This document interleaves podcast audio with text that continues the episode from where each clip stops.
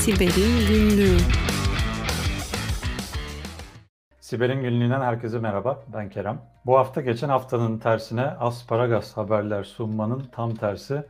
Ee, hiç yorumlanamayacak kadar ciddiyette ve önemi e, tartışılmaz güvenlik açıklarından bahsedeceğim. Yalnız olduğum için zaten kimseden yorum alamayacağım için de aslında bunun uygun olduğunu düşündüm. Tartışmasız ciddi bulgular bunlar diyorum. Çünkü matematiksel birer skorları da var.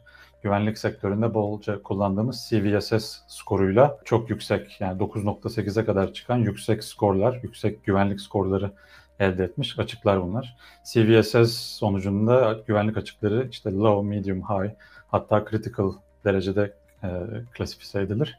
Bu bahsedeceğim açıkların çoğu ya da hepsi hatta critical seviyesinde. Ee, başlayalım. Birinci bahsetmek istediğim aslında Microsoft'tan her ay beklenen, bu ayda ayın e, 10'unda gelen Patch Tuesday, Patch Salı günü yayınlanan yüzden yüze yakın daha doğrusu güvenlik açığını kapatan bir e, patch oldu. Yüze yakın güvenlik açığından 11 tanesi critical seviyede, en üst seviyede.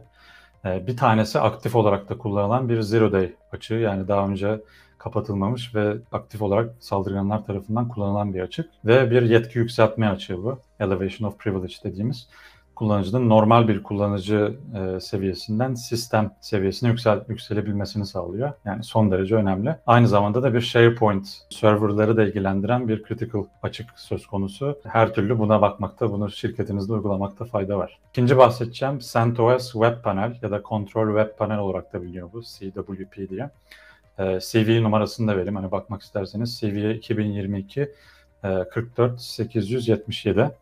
CVSS skoru demin de bahsettiğim üzere son derece yüksek 9.8. Bu bir web portal. Hani web sitenizi kontrol etmenizi sağlayan bir e, panel gibi düşünün. Bu panelde bir login sayfasında bir injection, bir e, girdi kontrol zayıflığı var. Bu açık sayesinde e, hackerlar istedikleri kodu çalıştırabiliyorlarmış üstünde. Bu aslında Ekim 22'de güncellenmiş, raporlanmış ve güncellenmiş ama hackerlar bunu günümüzde de son derece aktif şekilde kullanıyorlarmış. O yüzden bu tekrar haber oldu ve e, versiyon 7 kullanıyorsanız da 0.9.8.11.47 versiyonuna veya da daha yükseğine güncellemenizde bir an önce fayda var. Üçüncü bahsedeceğim yüksek derecede önemli açık Fortinet'in FortiOS SSL VPN VPN serverlarındaki bir açık. Bu da 9.8. CV kodu da 2022 42 475. Bu sefer bir web açığından bahsetmiyoruz. Bir VPN software'daki yazılımdaki bir açık ve bir buffer overflow açığı var. Uzun zamandır da bu denk gelmiyordu, bahsetmiyorduk. O yüzden bahsetmek istedim. Ee, bu açık daha çok Advanced Persistent Threat dediğimiz daha böyle ileri seviyede saldırılar yapan grupların kullandığı bir açıkmış. Ve devletlere ve devlet kurumlarına karşı kullandıkları göz, gözükmüş. O yüzden de Fortinet bunun üzerine bir yorum, e, bir rapor yayınladı. Rapora bakmakta ve e, açık sahibi versiyonu kullanıyorsanız bir an önce güncellemekte fayda var.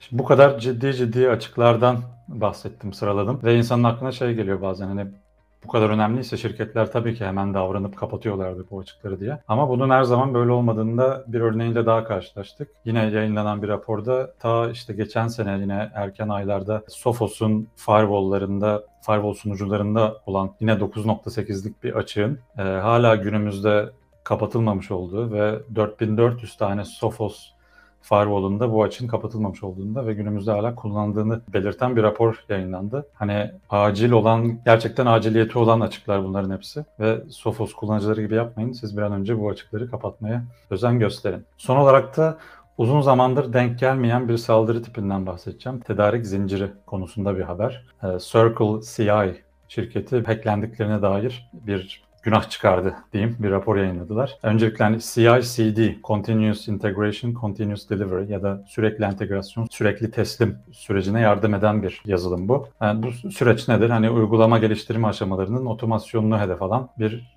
felsefe diyelim ya da bir, bir çalışma biçimi CI/CD ve Circle CI'da buna destek veren bir yazılım. Aralık ayında hacklenmişler ve 4 Ocak'ta kamuoyuna bunu duyurmuşlardı. Geçen günde bunun daha detaylarını paylaştılar. İşte detaylara göre 16 Aralık'ta e, bir şirket çalışanının laptopuna malware bulaşmış. Tam olarak nasıl bulaştığını anlatmıyorlar. Muhtemelen phishing mailinin açılması falan olabilir. 19 Aralık'ta saldırganın network içinde reconnaissance dediğimiz biraz inceleme aktiviteleri yaptığı, işte para getirebilecek ya da başka saldırılarda kullanabilecekleri açık e, bilgileri toplayacakları yerleri bulmaları çalışmalarını yapmışlar. 22 Aralık'ta da exfiltration dediğimiz bu buldukları bilgileri kopyalayıp e, dışarı kendi serverlarına kopyalama işlemine başlamışlar. 29 Aralık'ta ise e, dışarıdan gelen bir takım raporlar sonucu Circle CI incelemeye başlatmış ve hacklendiklerini fark etmişler. Burada hani birkaç böyle güzel detay da var. Mesela bu exfiltrate ettikleri, kopyaladıkları müşteri datalarının bir kısmı hatta hepsi aslında encryptedmiş, şifreli haldeymiş. Ama e, bu saldırgan network içinde yüksek privilege'li, yüksek haklara sahip bir kullanıcı haklarına sahip olduğu için bu şifrelemeyi çözebilecek anahtarı da bulup e, onu da exfiltrate etmiş. Böylece gerçek e, kullanıcı müşteri bilgilerini elde edebilmişler. Hatta 4-5 tane müşterinin bu continuous development işte prosesinde kullandığı kodlarına erişim başka saldırganlar tarafından erişim olduğu haberi gelmiş. O yüzden e, bunu da listeye ekleyelim. Hani Circle CI yazılımını hiçbir şekilde kullanıyorsanız e, bir an önce parolalarınızı rotate etmekte, değiştirmekte fayda var. Evet bu hafta e, böyle hızlı hızlı son derece kritik pek tartışılmaya gerek olmayan e, güvenlik açıklarını sıralamaya özen gösterdim. Haftaya tekrar görüşmek üzere. Güvenli haftalar diliyorum.